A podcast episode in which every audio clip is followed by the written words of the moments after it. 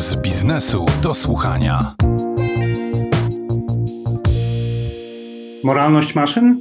Okazuje się, że i ona zaprząta głowy naukowców i badaczy. Doktora Tomasza Kwarcińskiego, adiunkta w Katedrze Filozofii na Uniwersytecie Ekonomicznym w Krakowie, pytam o badania na ten temat.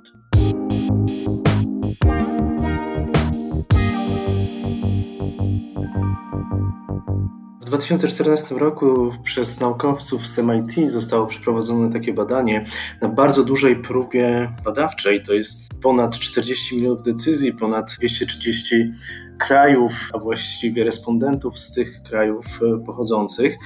Zapytano, jak, w jaki sposób samochód autonomiczny powinien podejmować decyzje, jeżeli w ogóle można mówić o podejmowaniu decyzji przez samochód autonomiczny w przypadku, gdy zdoła on przewidzieć kolizję, ale nie będzie w stanie jej zapobiec, kogo w takiej sytuacji należałoby przede wszystkim chronić. Z badań, które w 2018 roku właśnie na podstawie tego eksperymentu zostały opracowane, zostały opublikowane w czasopiśmie Nature, wynikało kilka ciekawych wniosków.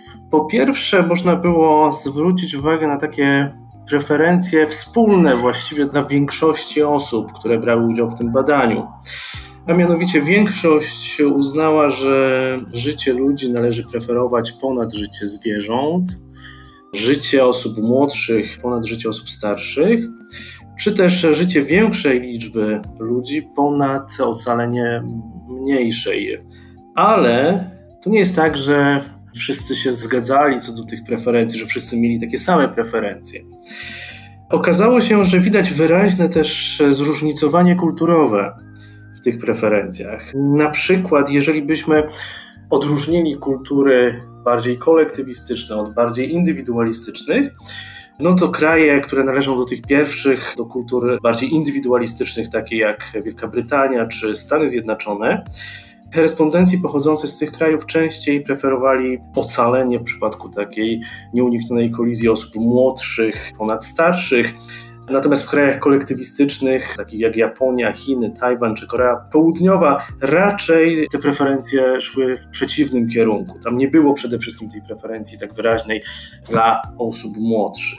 Z kolei, gdybyśmy wzięli znowu preferencje dotyczące tego, czy należałoby ocalić raczej większą liczbę, czy mniejszą liczbę ludzi, tutaj znów w krajach o kulturze bardziej indywidualistycznej zaznaczyła się wyraźna preferencja dla ocalenia większej liczby ludzi ponad mniejszą.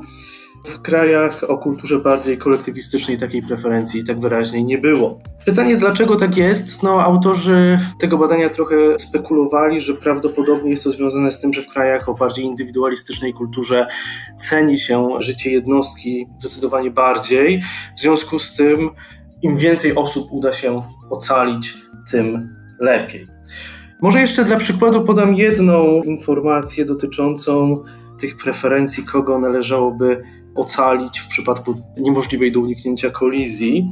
Jeden ze scenariuszy przewidywał pytanie, czy samochód autonomiczny powinien chronić bardziej pasażerów, czy też osoby, które przechodzą przez jezdnię, czyli pieszych.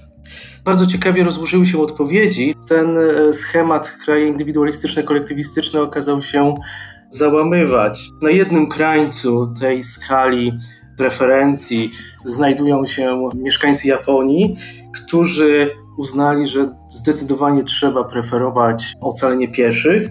Na drugim krańcu tej skali znajdują się mieszkańcy Chin, którzy nie przykładali do tej preferencji dużego znaczenia. No mogą Państwo zapytać, jak wygląda na tym tle Polska. Od razu powiem, że w przypadku Polski bliżej nam jest tutaj do Chin niż do Japonii, czyli nie przykładamy zbyt dużej wagi, a właściwie respondenci nie przykładali zbyt dużej wagi do ocalenia osób pieszych i preferowali raczej ocalenie tych, którzy podróżują w samochodzie.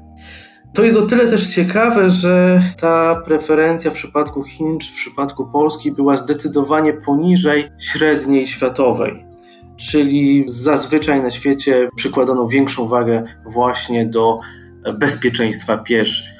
Może jeszcze jedna krótka uwaga dotycząca tego badania, bo oczywiście te wyniki są intrygujące, one są niezwykle ciekawe i bardzo dużo komentarzy wywołały, ale autorzy też tych badań zwracają uwagę na fakt, że one są oparte na badaniach internetowych. To znaczy, całe to badanie zostało zorganizowane w ten sposób, że założono stronę internetową, na której można było wskazywać różne rozwiązania scenariuszy. W związku z tym te wyniki mogą być trochę zaburzone, bo kto brał udział w takich badaniach? No, respondenci nie byli losowani, sami jakoś dowiadywali się o tym badaniu.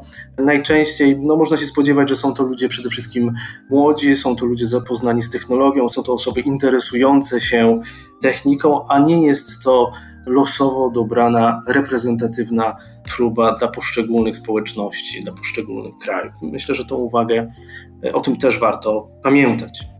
Jak tak pana słucham, to zastanawiam się, to są rzeczy, które będzie bardzo ciężko pogodzić, te różnice w priorytetach nadawanych przez różne kultury w ochronie życia na drodze. Czy te różnice Pana ocenie nie spowodują, że ludzie jednak nie będą chcieli, czy nie będą zainteresowani rozwijaniem autonomicznej motoryzacji, w której najpierw musimy narysować instynkt, napisać, w sensie zaprogramować instynkt temu, temu algorytmowi, który potem będzie nas woził i decydował, jakby nie było o życiu i śmierci? To jest bardzo dobre pytanie. Czasem można myśleć o autonomicznej motoryzacji w ten sposób, że jest to tylko problem techniczny, ale do używania tego typu pojazdów ludzie muszą być przekonani.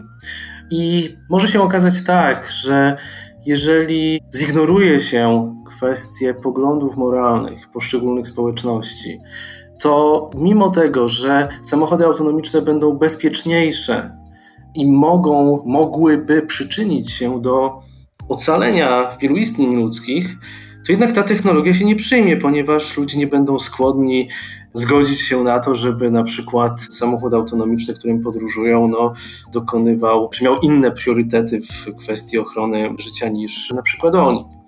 Może warto jeszcze tutaj dodać jedną rzecz, że my tak myślimy trochę o samochodach autonomicznych teraz w ten sposób, że jakoś zaprogramujemy je z góry, żeby rozwiązywały dylematy etyczne według określonych standardów etycznych. Badanie, o którym mówimy, sugerowałoby, że te standardy etyczne powinny być jakoś odniesione do społeczności, do kultur, w których ludzie używają tych samochodów.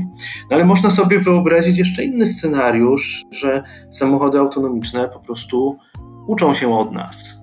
To znaczy, same nabywają pewnego rozeznania. Tutaj myślę o na przykład uczeniu maszynowym, czy o różnych innych mechanizmach budowania algorytmów, które działają inaczej niż takie zaprogramowane z góry rozwiązania. Na podstawie określonej liczby prób samochód autonomiczny nabywałby, nazwijmy to w cudzysłowie, pewnej wiedzy, jak ma rozwiązywać, jak ma postępować, jak ma funkcjonować na drodze. Oczywiście można trochę zażartować, czego taki samochód nauczyłby się na przykład od polskich kierowców, i gdybyśmy myśleli właśnie o tym w ten sposób. To, co pan powiedział, nie brzmi optymistycznie, bo o ile jeszcze kilka lat temu, czy kilkanaście lat temu takie obrazy jak Terminator były rzeczywiście bardzo odległym science fiction, w tej chwili dochodzę do wniosku, że to wcale nie jest odległe.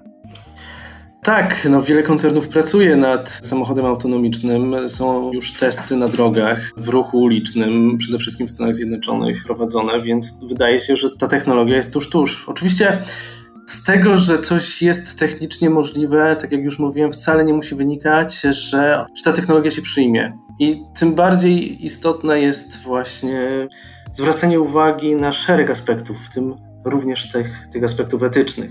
Niektórzy uważają, że to podejście do samochodów autonomicznych jest źle trochę postawione, że nie powinniśmy myśleć o samochodach autonomicznych, a o systemach autonomicznych raczej. I wtedy ta perspektywa by się troszeczkę, troszeczkę zmieniała. Nie mielibyśmy takiej sytuacji, że w zwykłym ruchu ulicznym nagle pojawia się samochód autonomiczny. Tylko cały ruch uliczny byłby dostosowany do samochodów autonomicznych. W The Economist jakiś czas temu pojawił się ciekawy artykuł o tym, że jeżeli ta technologia samochodów autonomicznych zostanie wprowadzona, to mimo zaawansowanych prób ona raczej zostanie wprowadzona w Chinach, a nie w Stanach Zjednoczonych. Dlaczego? Bo w Chinach łatwiej jest zorganizować trochę tak odgórnie system autonomicznego transportu samochodowego niż w krajach zachodnich, których władze muszą się liczyć z opinią publiczną w dużo większym stopniu. Panie Tomaszu, bardzo dziękuję za rozmowę i mam nadzieję do usłyszenia. Dziękuję, do usłyszenia, do widzenia.